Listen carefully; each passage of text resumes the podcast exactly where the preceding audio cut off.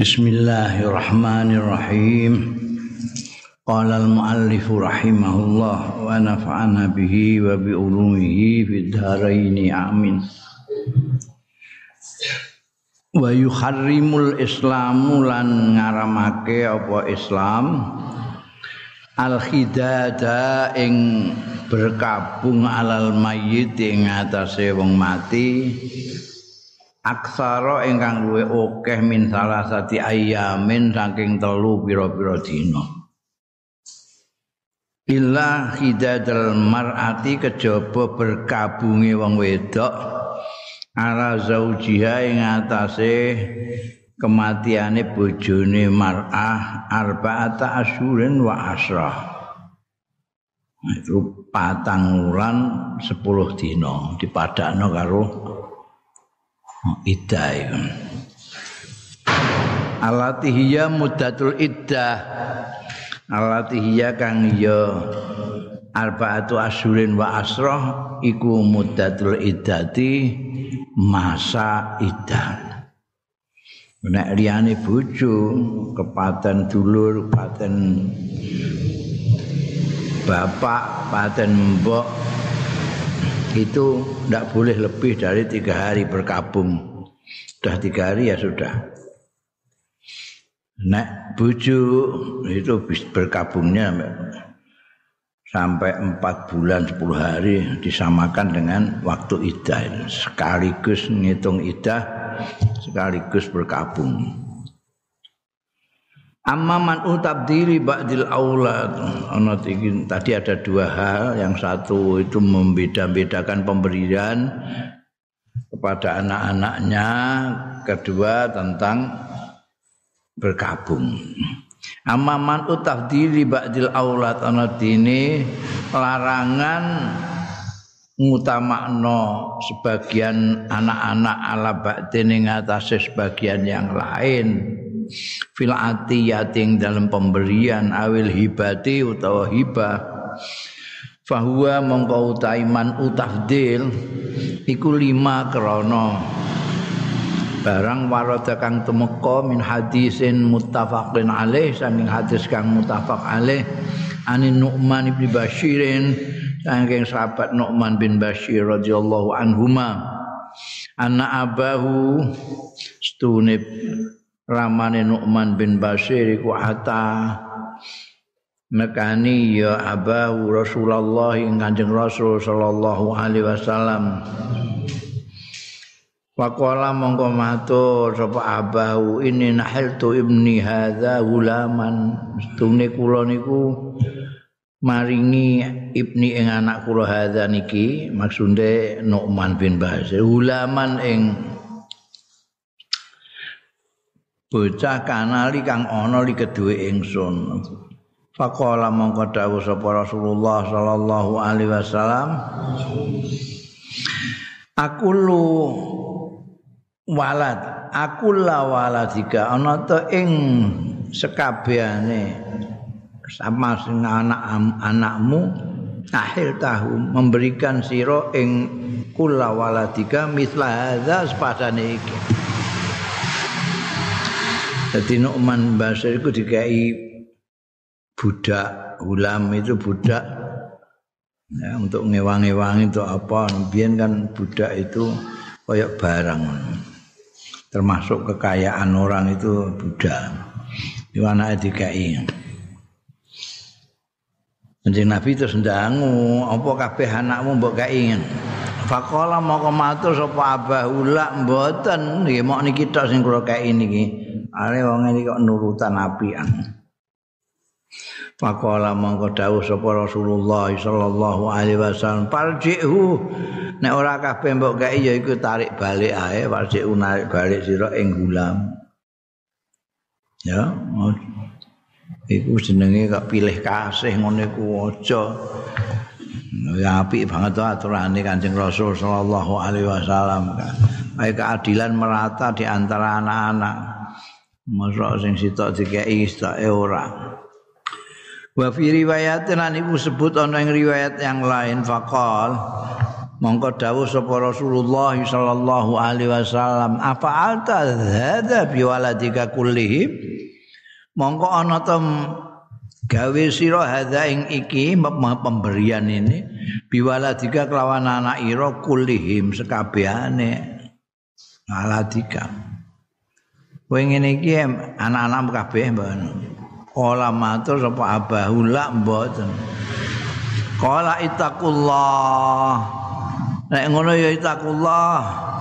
Wedya sira ing Gusti Allah wa adilu fi auladikum lan adilo sira kabeh fi auladikum ing dalem anak-anak ira kabeh sing adil. Be anake ora iso adil apa meneh mbekan rakyate Faraja mongko narik balik sapa api bapak ingsun. Idawe Nu'man bin Basir. Nu'man bin Basir itu putra dan ayahnya semuanya sahabat. Faradda tilka sadaqah mongko balekno ya abi tilka sadaqah ta ing mengkono-mengkono sedekah. Wa fi riwayatin lan iku ana ing riwayat sing liya faqala mongko dawuh sapa Rasulullah. Jadi hadis yang tadi itu tentang ayahnya Nu'man bin Basir itu banyak riwayat-riwayat redaksinya berbeda-beda tapi pengertiannya meh padha kabeh. Sudah ada dua saiki ana newa fi riwayatin lan iku kesebut ana ing sijining riwayat liya faqala maka dawuh sapa Rasulullah sallallahu alaihi wasallam Ya Bashir Basir bapak Nu'man iku mau dengan abahu mau. Ini rujuke mau ning abahu Saiki wong ana disebut nama ya Bashir. Ya Bashir, eh ya Bashir, eh Bashir. Ala kawalatun siwa hadza. Ana itu kedue sira waladun tawi anak siwa hadza kejaba iki, eh? Liyane Nu'man iki kowe anak neh liyane poka. Pakola mongko matur sapa abahu Nu'man apa Bashir. Naam nggih nggih gadah. Kala dawuh sapa Rasulullah sallallahu alaihi wasallam, "Aku luhum wahabta lahu mithla hadza." Ana ta sekabehane anak-anakmu wahabta maringi sira lahu marang kulluhum mithla hadza sepadane iki, eh? Anakmu sing iki. Iki cetha meneh iki riwayat sing iki. Jadi apa redaksine iku rada rinci jadi ketika sahabat Bashir itu memberikan sesuatu kepada anaknya kanjeng Nabi ndangu apa kamu ndak punya anak lain? Punya. Apa semuanya dikasih seperti ini? Ola matur sapa Bashir la mboten. Ola ngendika sapa Kanjeng Rasul sallallahu alaihi wasallam. Pala tusahidni dan nek ngono wis aja njalukna seksi sira ing ingsun idzan nek ngono kowe aja njaluk saksi aku bareng. Fa inni la usidu ala jurin. Monggo sedune ingsun iku ora nyekseni sapa ingsun ala jurin ing atase sesuatu yang tidak benar. Eh? Lacet kok kebakat kataan ora bener ya. Hmm, gak bener aku moh. Mbok nyekseni tok mung aweh anakmu moh lah. Iku wong kowe ndek anak liyane kok mau mbok isi tok tok. Moh. Iku ora bener. Wa fi riwayatin la tusiduni ala jurin. Riwayate banyak.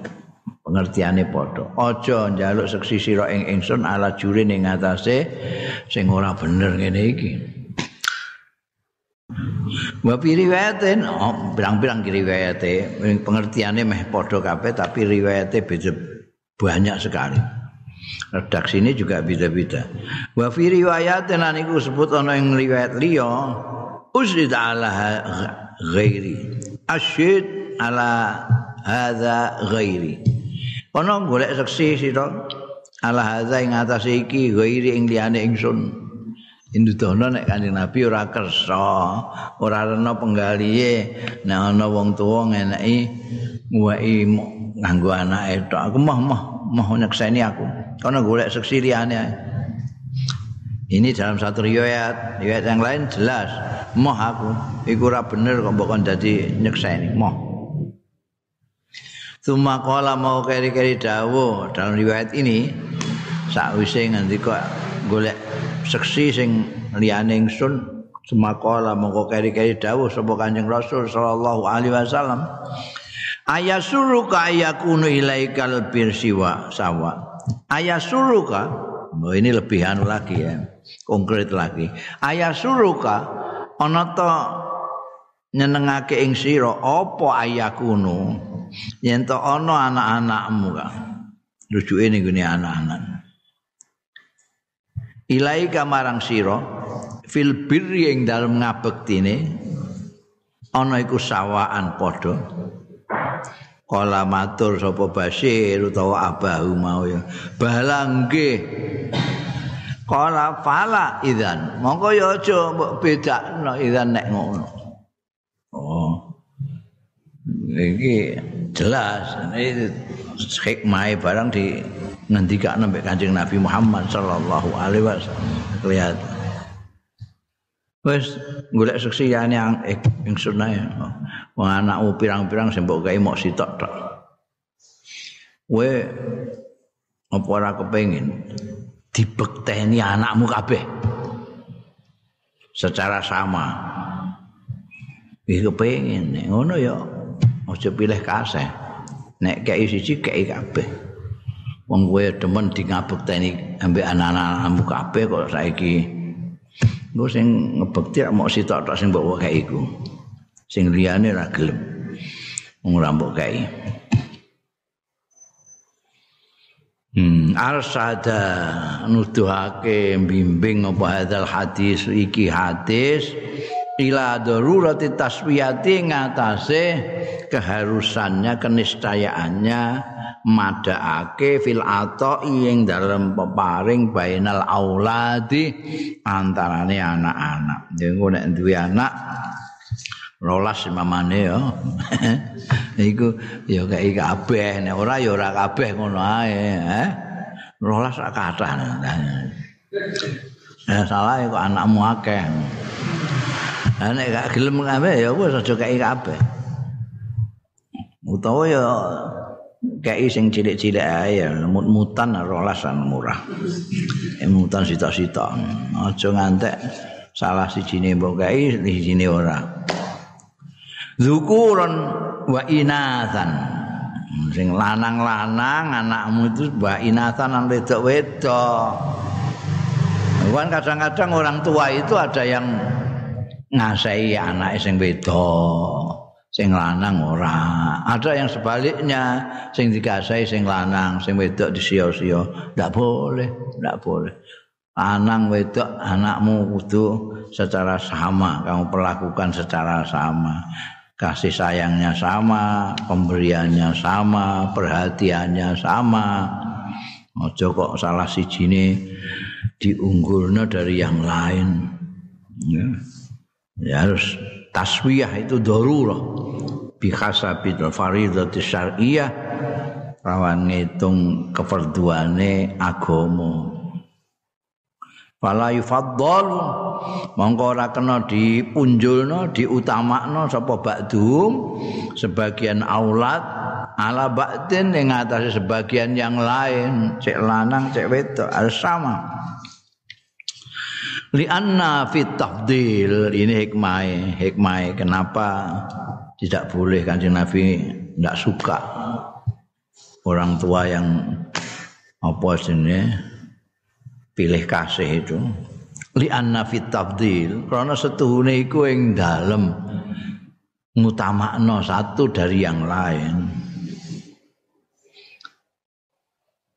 Zar al fitnati ono nandur fitnah.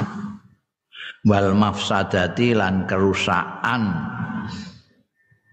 Wal karohiyati lan getingan wal baghdha ilan kebencian bainal auladi antarane anak-anak.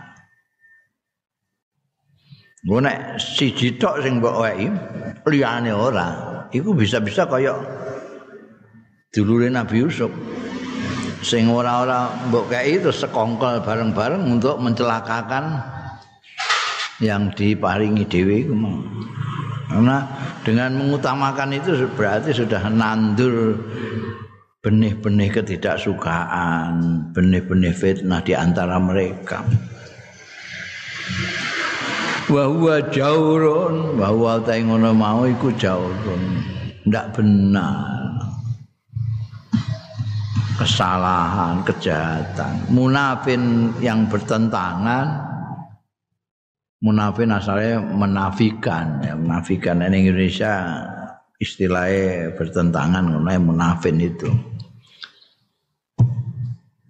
Menafikan lil adri wal musawati maring keadilan wal musawati lan persamaan sing menjadi prinsip Islam. Islam itu mempunyai prinsip keadilan dan persamaan, egaliter. Jadi kalau ono wong tua kok memilah-milah pemberiannya kepada anak-anaknya, anak kabeh, anak kandung kabeh. Eh, itu bertentangan dengan prinsip keadilan dan persamaan.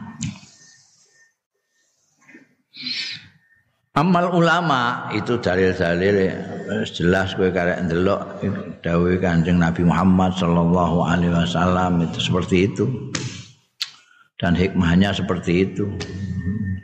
Amal ulama ana dene ulama, ora majelis ulama ya ulama bahasa Arab iki. Ulama majelis ulama itu ulama bahasa Indonesia. Amal ulama ana dene para alim faqala al jumhur maka ngendika sapa jumhur mayoritas minhum saking ulama bikaro hati tafdil kelawan kemakruhane ngutamakake bainal aulad. Makruh jadi tidak haram. Kebanyakan ulama mengatakan begitu. Alasannya apa? Li anal insan khurud li annal insana karena sedune manusa iku khurut tasarruf. Iku merdeka mentasarrufkan fi malihi ing dalem bandane insan hala hayatihi nalikane uripe insan. Ya. Banyakkan ulama itu menggunakan ini alasannya itu kan oh itu duit-duit dhewe banda-banda dhewe itu haknya dia mesti kena sapa kena iki kena iki. Kebetulan saja itu anaknya. Yang lain dia ini gak kepengen ngei dan delok dari alasannya kita kayak bener kayak bener. Tapi dari segi moral dan apa senengi eh, ajaran kanjeng nabi mau itu kan nggak nggak pas itu Wa qala fuqaha ul Hanabilah lan dawuh sapa ahli-ahli fikih mazhab Hanbali wa ra'yu mutai pendapat fuqaha ul Hanabilah iku al aswab sing luwih bener. Al muttafiq sing sesuai sesuai ma'as sunnat sertane sunnah Rasul sallallahu alaihi wasallam ngendika piye fuqa al hambali ngendikake bi hurmati tafdil. Kelawan kene jadi mu musannaf itu cenderung dengan pendapatnya fuqaha al hanabilah yang mengharamkan tafdil. Karena sesuai dengan arahan Kanjeng Rasul tadi sunnah Rasul sallallahu alaihi wasallam. Dihormati tafdil ngutamakna bainal aulad. Amalan krana melakukan melaksanakan bihadzal hadis kelawan iki hadis. Bi riwayatihi kelawan riwayat riwayat iki hadzal hadis. Al mutaaddidah sing mobilangan hadisnya banyak sekali tadi seperti tadi dikatakan. Wa fi riwayatin wa fi riwayatin wa fi riwayatin. Mau? Banyak riwayat yang banyak sekali. Jadi lebih cocok itu pendapatnya ulama-ulama Hanabilah ini. Menyatakan itu haram, bukan hanya makruh, haram. Gundel. Wa amma tahrimu ikhdadil mar'a. Ana dene harame diharam kene berkabungnya wong wedok ala mayitin. Ing atase mayit fauqa talatati ayam sak ndure telu pira-pira dina illa ala zaujia kejaba ing atase bojone mar'ah sing arba'ata asyurin wa asrah 4 bulan 10 hari arba'ata asyurin wa asratu ayyamin lan patang wulan 10 dina. Padalilu mongko ta dalile tahrim ihdadul mar'ah mau iku hadisun muttafaqun alaih. Hadis sing muttafaq alaih an Zainab binti Abi Salamata radhiyallahu anhuma. Qalat ngendika sapa Zainab binti Abi Salamah dua-duanya iki sahabat. Dakhaltu ala ummi Habibah ummi Habibah itu asmane Romlah. Kunyae ummu Habibah asmane dhewe Romlah iki putrane Abu Sufyan itu keunikannya sejarah di situ Abu Sufyan itu musuhi Kanjeng Nabi sejak mulai di Mekah ngantek Fathu Mekah. Abu Sufyan jadi bersama-sama Abu Jahal CS itu. Meskipun nanti pada Fathu Mekah beliau masuk Islam. Tapi sepanjang itu apa namanya? Panjang kanjeng Nabi berdakwah di Mekah sampai di Medina sampai kembali ke Mekah lagi itu Abu Sufyan termasuk tokoh yang musuhi kan. Oh, anehnya itu anaknya itu jadi garwane Kanjeng Nabi Muhammad sallallahu alaihi wasallam um, um Habibah. Dan apa jenenge? Ambean bapaknya ya memperlakukan ada kayak bapaknya tapi kadang ya sebagai musuh. Misalnya nek lagi nyambangi nih gini daleme Kanjeng Rasul sallallahu alaihi wasallam demek-demek anune ngono wis disengeni. Aja demek-demek iku. Wah, iku niku ampun sama demek niku ngene Kanjeng Rasul suci resik niku sampean niku kotor ngono iku ya eh mergo apa jenenge Um Habibah itu menjadi umul umul mukminin dan mukminah sejak jadi istrinya kanjeng Nabi. Ini yang anak Ummu Habibah itu. Yang masuk ke situ Zainab binti Abi Salama. Aku mlebu ning gone Ummu Habibah radhiyallahu anha. Sapa Ummu Habibah? Zaujin Nabi, garwane Kanjeng Nabi sallallahu alaihi wasallam.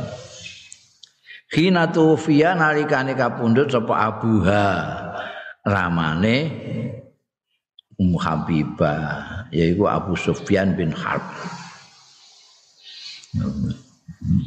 Ya maha untuk syafaate Ummu Habibah bebi Abu Sufyan ning gone Fathu Mekah sak mboke sisan Hindun malbu Islam. Padahal guwetingi mek Kanjeng Nabi asale guwetingi mek Kanjeng Nabi luar biasa. Ini Fatku Mekah Abu Islam. Padha karo Ikrimah anaknya Abu Jahal. Nah, selama itu musuh Kanjeng Nabi ini Fatku Mekah masuk Islam. Iki jadi nalika kapundhut Abu Sufyan orang muslim yang baik itu melok perang Kanjeng Nabi bareng. Nalika kapundhut sama Abu Haramane Ammu Habibah yaiku Abu Sufyan bin Harb Abu Sufyan bin Harb ini ramane Sayyidina Muawiyah bin Abi Sufyan ya, gubernur Sam yang kemudian mengambil alih jadi khalifah terus digawe kerajaan. Abu Sufyan bin Harb radhiyallahu anhu fadaat mongko mundut sapa Ummi Habibah. Saya aku jikokno iku mundut iku biti bin kelawan wewangen fihi sufra. Fi dalam tip iku sufratun khaluk itu jenis sufratun khaluk itu salah satu jenis parfum jenis minyak wangi. Ana minyak wangi ku ana ambar ana wat ana narjis ana misk ana sufratu khaluk macam-macam itu. Wah nah. Kowe nek kepenan ana bakule niku kowe tangan niku niki jalan Sutomo. Lakune niku kawedanan rada ren sithik. Idul dalan niku ana Pak dodol minyak wangi takokno wong macam-macam iku. Iki sufratu khaluk.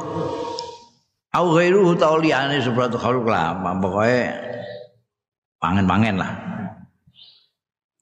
Fatahanat min hujariatan mongko minyai sapa Ummu Habib minhu saking tip iki mau jariatan ing jariahe di, diminyai minyai kena minyak. Padahal nek nek khidat berkabung itu enggak pakai minyak enggak jungkasan enggak anbang bosan ngono iku lah. Ora pepaes pepaes ora nganggo lipstick ora nganggo Nah, nek cara saiki ne yo dasteran tok ngono wae. Eh, ora tau jungkasan iku jenenge berkabung. Iki iki kok nalika Abu Sufyan kapundhut niki nggepok minyak wangi. Bar minyak ijariae summa masat bi aridi kelawan ati-ati lorone masat rujuke niku ne Ummu Habibah. Bi aridaiha kelawan ngene iki pilingan. Ati-ati lorone jadi bar minyaki tangane Syekh Anu di leret-leretno kiwa tengen bi aridai sumaqalat mongko dawuh sapa Ummu Habibah wallahi demi Allah mali ora ana iku keduwe ingsun biti bi kelawan wewangen min hajatin utawi hajat. Blas aku gak ndek hajat wangen-wangen gak ora butuh aku wangen-wangen bareng.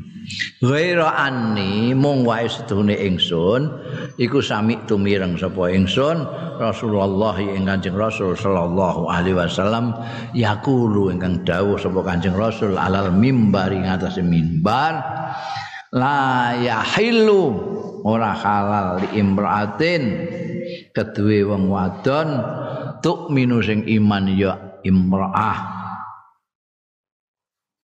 billahi kelawan Gusti Allah wal yaumil akhir lan dina akhir. Ora halal apa antukhidda yen to berkabung ya mar'ah ala mayyit ing atase mayit fauqa salasi layalin punjul telu pira-pira wengi illa ala zaujin. Kejaba berkabungi ing atase bojo iku sing arba'ata asyurin wa asron 10 wulan eh empatang wulan 10 dina sebagai idaim ya. Jadi zaman sahabat itu wancen ya puncaknya orang-orang baik. Dalam Islam ini zaman ini kanjeng Nabi itu. Bayang no kanjeng Nabi ngantek hadisnya puluhan ribu itu kan. Karena diiling diapal no diugemi dicekeli karo sahabat-sahabat itu. Nek kaya zaman saiki wis gak ono. Yaimu ngomong apa wis lali kabeh wis gak gak ono. Catatan-catatan gak ada. Itu sampai Ummu Habibah garwane itu mendengar kan dalamnya kan mepet masjid. Jadi Nabi khutbah, krungu dicatat. Ngantek bisa disampaikan kemudian sampai kepada kita. Di hadis-hadis itu kan begitu. Jadi sekabat-sekabat itu mencatat betul dalam pikiran dan hatinya apa saja yang disampaikan oleh pemimpin agungnya. luar biasa saiki gaon apa ana buku tentang dawuh-dawuhe kiai wong didhawuhi kiai kadang-kadang mbek ngorok ora tahu dirungokno iki ngantek persis seperti apa yang didengar itu ketika sahabat Abu Sufyan kapundut Ummu Habibah sebagai putrinya ini itu mestinya berkabung. Eh, beliau masih ingat dawe kanjeng Nabi. Mulanya jarak. Aku nggak perlu nganggu wangen-wangen lah apa. Aku setua. Ora butuh wangen-wangen. Tapi aku mireng kanjeng Rasul Sallallahu Alaihi Wasallam nate ngendikan ning mimbar ora halal wong wedok sing iman karo Gusti Allah lan dina akhir iku kok berkabung terhadap kematian seseorang kecuali suaminya sampai punjul tiga hari. Ini punjul telung dino. Jadi apa yang didengar disampaikan sebagai ilmu pada orang lain. Ketok. Nah ini istimewanya lagi tabiin tabiin ini mendengar itu juga dicatat. Kalau tidak tidak sampai ke kita. Dawai kanjeng Nabi kan nggak sampai kita. Kalau tidak, ya itu minimal sampai uh, muhadisin sampai sekabat uh, rabat tabiin, tabiin tabiin. Minimal sampai Imam Bukhari, Imam Muslim barang itu lah imam-imam anu hadis itu. Mereka yang kemudian nyadat. Saat dulu kan Ya diingatan-ingatan saja. Qalat Zainabu, ngendika sapa Zainab? Zainab binti Ummu Salamah tadi, binti Abi Salamah. Sing sowan ning gone Ummu Habibah tadi. Di tempatnya Ummu Habibah dia tahu Ummu Habibah sengaja memakai wang, memak, apa memakai wangen-wangen setelah dia beliau itu minyai jariahnya dan menyatakan ini. Setelah itu kolat Zainab. Jadi kalau Zainab bin Abi Salamah. Summa dakhaltu ala Zainab binti Jahsin. Jadi sekaligus silaturahmi bareng ngene Bu Habibah ngene Sayyidatina Zainab binti Jahsin radhiyallahu anha. Khina tufiya nalikane kapundute Khat khina tufiya nalika kapundhut sapa akhuha dulure Zainab binti Jahsin. Nek mau sing Ummu Salamah iku sing kapundhut ramane. Abu Sufyan bin Harb. Nek Sayyidatina Zainab binti Jahsin ini sing kapundhut dulure akhuha. Fadaat. Mongko mundut sapa Zainab binti Jahsin binti bin klan pewangen pamassat minhu mongko ngepok sapa Zainab minhu saking tip. Summa qalat. Mongko keri-keri dawuh sapa Zainab bintu Jasin ama wallahi eling-eling demi Allah mali ora ana iku keduwe ingsun biti bi kelan pemangen min hajatin tawi hajat. Blas aku demi Allah ora butuh wangen-wangen iki gak butuh. Ghaira ani mong wae setuhune ingsun iku sami tumireng sapa ingsun Rasulullah ing Kanjeng Rasul sallallahu alaihi wasallam. Tak pireng yakulo ingkang dawuh ya Rasulullah sallallahu alaihi wasallam alal mimbar ing atase mimbar. Jadi padha ngrungokno niki. Zainab binti Jasin dan Um Habibah padha-padha ngrungokno nalika Kanjeng Rasul sallallahu alaihi wasallam khutbah. Ini dua-duanya isih hafal. Dawuh Kanjeng Nabi ini alal mimbar. La yakhillu li persis yang di pirengno karo Ummu Habibah ora halal li imra'atin tumrape wong wedok. Minu sing iman ya imra'ah billahi kelawan Gusti Allah wal yaumil akhir lan dina akhir. Apa sing ora halal antuhidda yen to berkabung ya imra'ah ala mayyitin ing atase mayit fauqa salasin punjul telung dina bedanya cuma sedikit yang didengar oleh Ummu Habibah tadi. Ala mayitin fauqa salasi layalin. Ada layalin. Kalau Sayyidatina Zainab binti Jahsin fauqa salasin gitu illa ala zaujin kejaba atas suami arba'ata asyurin wa asron podo. Perbedaan cuma layalin di ora layalin pengertiannya podo tiga hari. Ya. Persis apa yang didengarkan oleh Ummu Habibah maupun yang didengar oleh Sayyidah Zainab binti Jasin sama.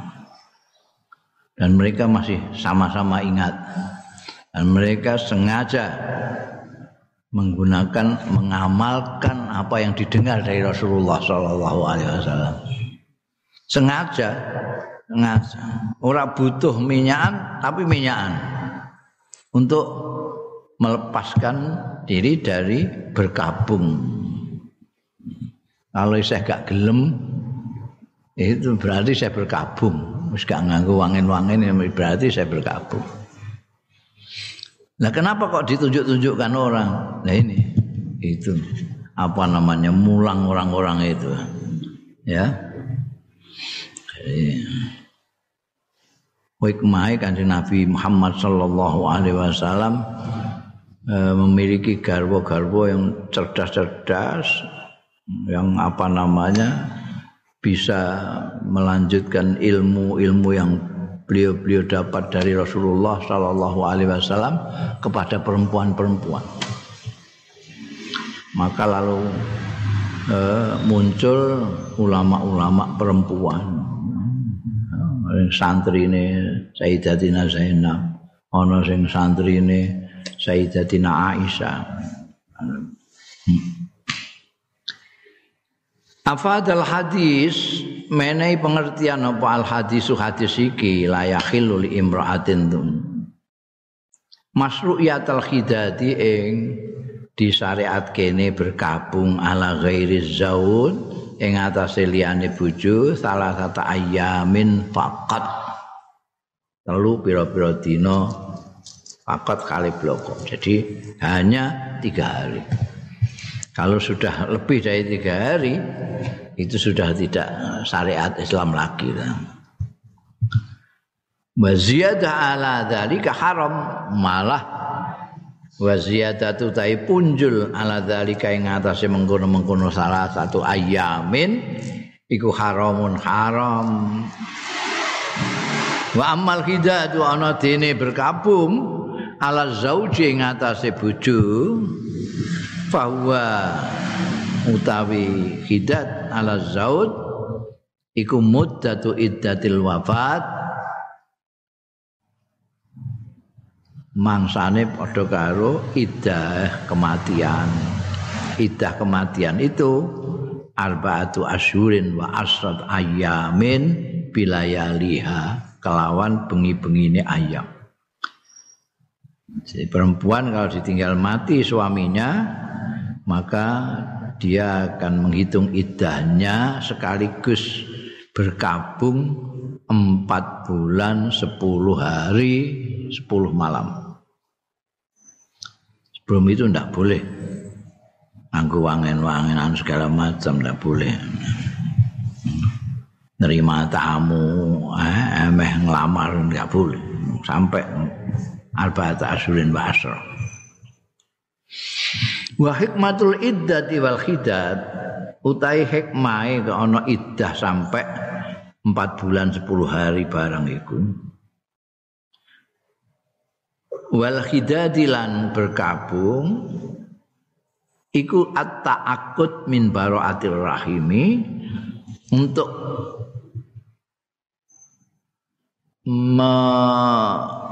meyakinkan min baraatir rahimi saking min baraatir rahmi saking apa? Bebasi rahim. Karena kalau belum empat bulan nah, ada masih ada kemungkinan itu nanti apa? Ada kandungan dan kandungannya itu dari suaminya yang meninggal untuk meyakinkan itu tidak ada lagi kosong sama sekali maka ditunggu empat bulan sepuluh hari kalau sudah empat bulan sepuluh hari tidak ada tanda-tanda eh, ada kandungan apa-apa berarti dia memang tidak apa namanya tidak sedang mengandung dari suaminya yang mati. Soalnya ini nanti kaitannya nek ana wong sing arep nglamar ndekne anu segala macam itu ya, supaya ndak kacau. Ya. Wa khuluwihi lan sepine rahim tujuane rahim minal hamli saking kandungan itu bisa dipastikan kalau empat bulan sepuluh hari jadi orang perempuan kalau meninggal suaminya sampai empat bulan sepuluh hari tidak ada apa-apa bisa dipastikan itu bahwa dia memang tidak mempunyai kandungan dari suaminya yang meninggal. Di samping itu juga wal wahifdzu sum'atil mar'ati lan ngrekso sum'ae namanya perempuan. Perempuan tetap terhormat eh karena ternyata dia suaminya meninggal, dia berkabung, dia menunggu. Ora kok begitu bojone meninggal terus ngekek-ngekek kebenaran terus begitu rono rene wah iki sumahe terus jatuh iki. Ora ono sing nglamar malah. Wa khiftu sum'atil mar'a wa nafyu tuhmah lan menghilangkan kecurigaan wa su'udzanni lan elake penyono anda saking mar'a oh iku wong wedok ngono kalau dia melakukan berkabung dan menghitung iddahnya sampai empat bulan sepuluh hari istilah saiki mengisolasi diri mandiri. Oh itu orang mesti menghormati dia. Wa takdiru nikmati zawat lan menghormati nikmatnya perkawinan. Wa muraati masyairi ahli zaud lan ngrekso perasaan-perasaane keluargane bojo lanang sing mati. Eh nek terus ora berkabung blas bar bojone mati terus macak ditit moro ning mall barang ngono iku Dulur-dulure bojo sing mati ya Allah kuburane bojone isih teles durung garing kok wis megedel ngono. Ya ya ora mesti ngono. Wa dalilun utawi iki ku dalilun. Dalil nuduhno ala annal islama ing atase setuhune islam iku dinut tawassuti iku agama tengah-tengah wal iktidalulan jejeg. Fa'aba al khidad mongko memperbolehkan ya Islam al khidada ing berkabung. Wal buka lan nangis alal mayiti atase mayit. Muddata salah sati ayamin. Semangsa telu pira-pira dina.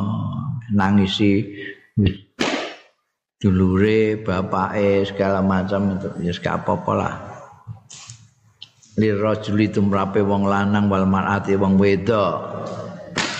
Wa harrama lan ngaramake ya Islam al khidada ing berkabung alal mayit ing atase mayit aksara ing dalem ingkang luwe akeh min hadzal muddati saking iki mongso telung dina di tengah-tengah lah. Tidak mengharamkan sama sekali tapi menghalalkan dibatasi sampai tiga hari. Liyatafarraqa kullu insanin lima syagilil yaumiyah. Supaya iso kosong ya tafarrah. Sapa kullu insanin masing-masing manusa lima syagilihi kanggo kesibukan kesibukane kullu insanin al yaumiyati sing sehari-hari ngantek beberapa hari terus gak nyambut gawe apa piye? Wa tastamiru lan berlangsung apa al hayatu kehidupan. Bisa hemin wa kuatin kelawan kekuatan kekokohan kesemangatan wa kuatin lan kekuatan wajid diatin lan kesungguhan. Minjadidin saking anyar. Minjadidin itu lagi. Artinya kemarin itu kan berhenti sebentar karena ada kejadian, ada yang meninggal, terus berhenti, eh, menyambut gawe lain berkabung sih. Tapi nanti harus mulai sungguh-sungguh lagi di dalam kehidupan ini, sing asale nyambut gawe, asale ngurusi anak segala macam, aja mbok tinggal berkabung terus ngutus keleran. Jadi supaya kembali kuat lagi, kembali kokoh lagi untuk menghadapi kehidupan menjadi menjadi itu lagi. Baru. Menjadi kembali seperti semula menjadi itu.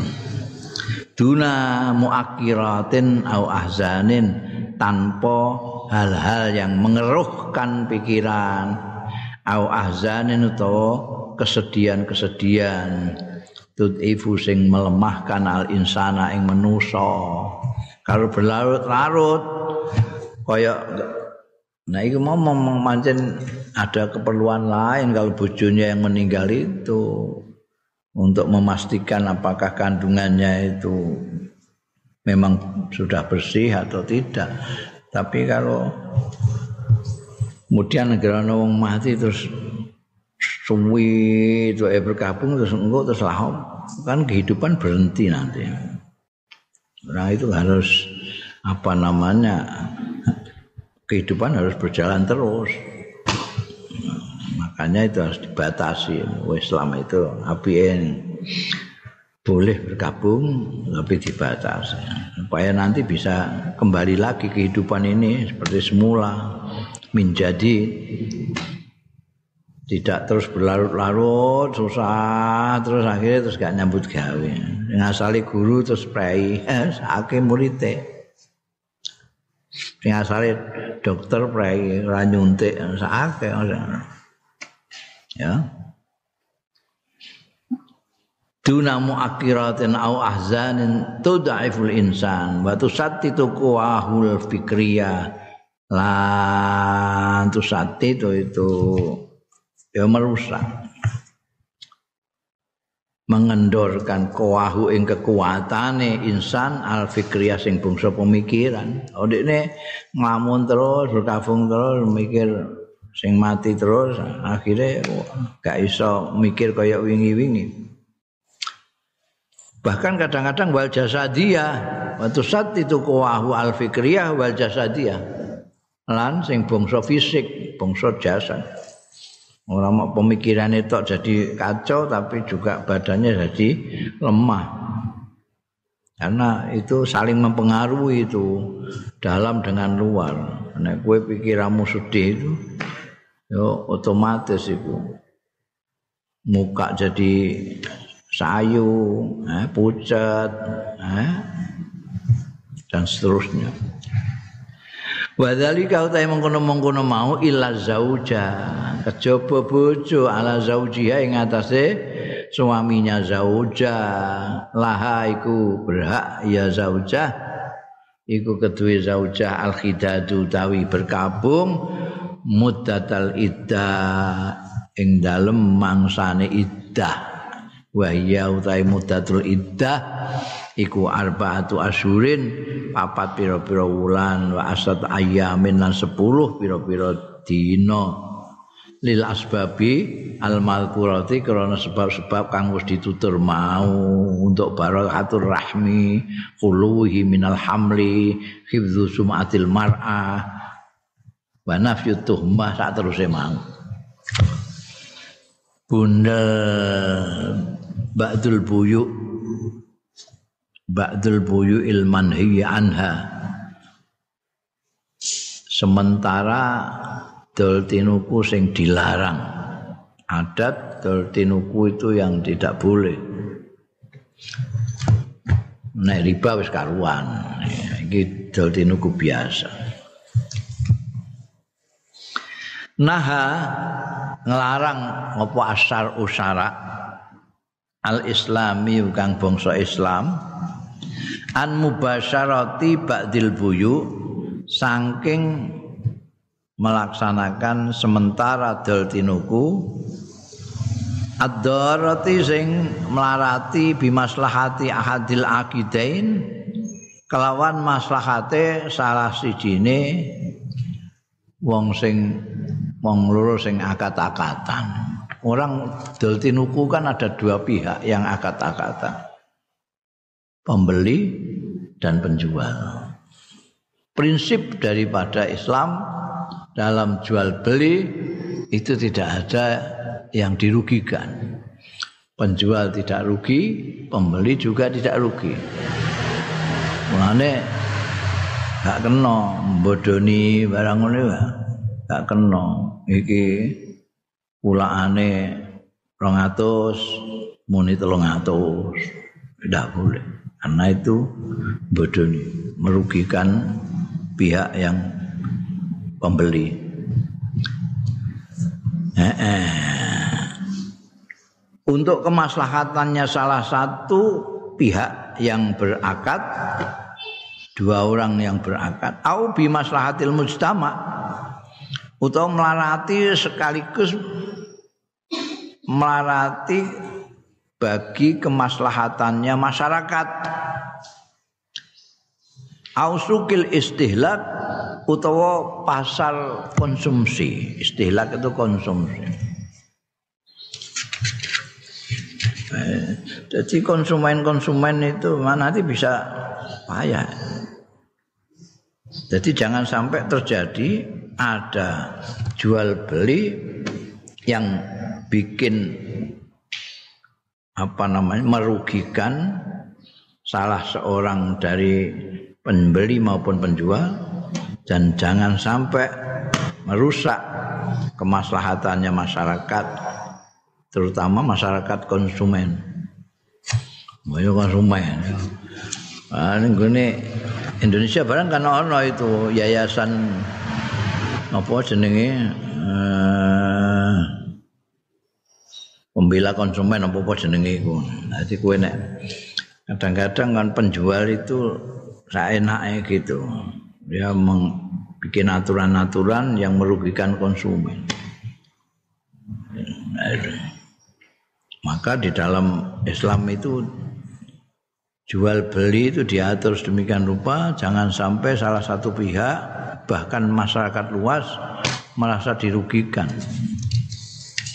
wa nahyu tadi utawi larangan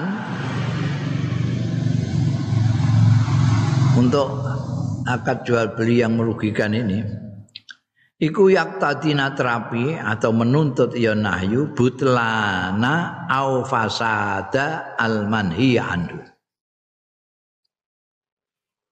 ini uslub modern itu ya tanazuk pirang-pirang. Jadi butlana ambekan fasada itu butlanal manhi anhu au fasadal manhi anhu.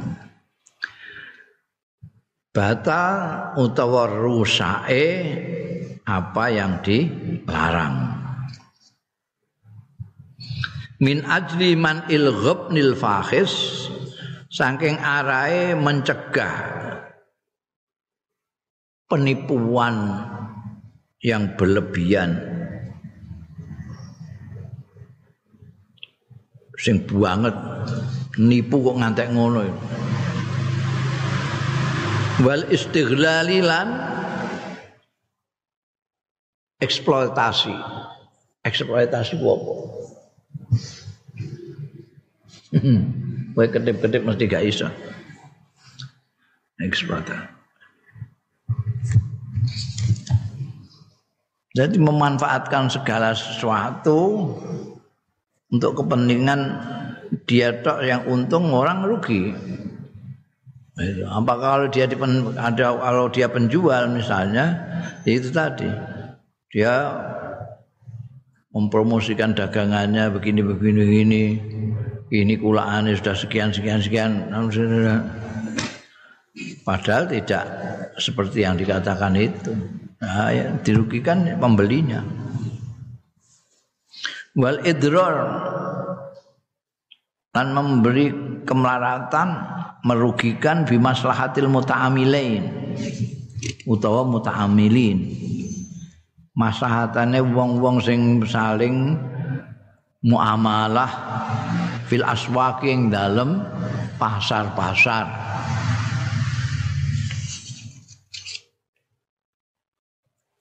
wa irhaqil mustahlikin lan mayahake para konsumen bil as'aril ghaliyati kelawan harga-harga yang tinggi. Itu, itu merusak ekonomi, ngelarakno wong-wong itu pembeli-pembeli jadi bingung, enggak dituku butuh, dituku larangnya semono.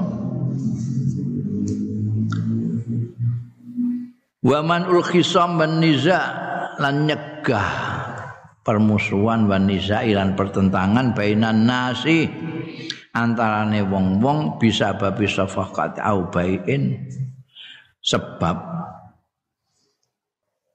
transaksi au bain utawa dol tinuku ada kejadian gegeran itu karena ada salah satu pihak yang memang tidak jujur di dalam berdagang. Apakah itu pembeli penjualnya atau pembelinya? Biasanya penjualnya itu sing membukan melakukan trik-trik demikian rupa pokoknya barang payu tidak peduli dia merugikan apa namanya merugikan konsumen. Oh, dodol sarung jarene sarung mandar. Wah. Mari-kari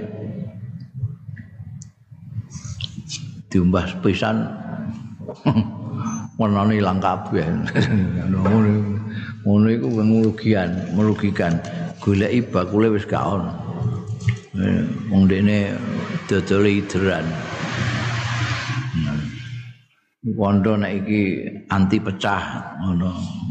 Buntang banting gak pecah tenan ning kono iku. Barang mulai tuku pirang-pirang banting pecah kabeh. Iku merugikan ya. Bangsa gitu-gitu itu gak boleh. Dan nanti yang bikin uang tukaran, uang terus gegeran, pertentangan antara bakul ambean pembeli. Ada Gusti Allah wallahu taala yaqulu. Dawuh sapa Gusti Allah taala? Wala tanaza'u fatafsalu wa tadhhabari hukum wala tanaza'u. Lan aja bertentangan sira kabeh gegeran permusuhan sira kabeh. Fatafsalu mongko dadi lemah gagal sira kabeh wa tadhhabalan ilang apa hukum kekuatan ira kabeh. Rihukum ay kuwatukum. Ya kowe gegeran terus iku kekuatan yang betul-betul kuat itu adalah persatuan.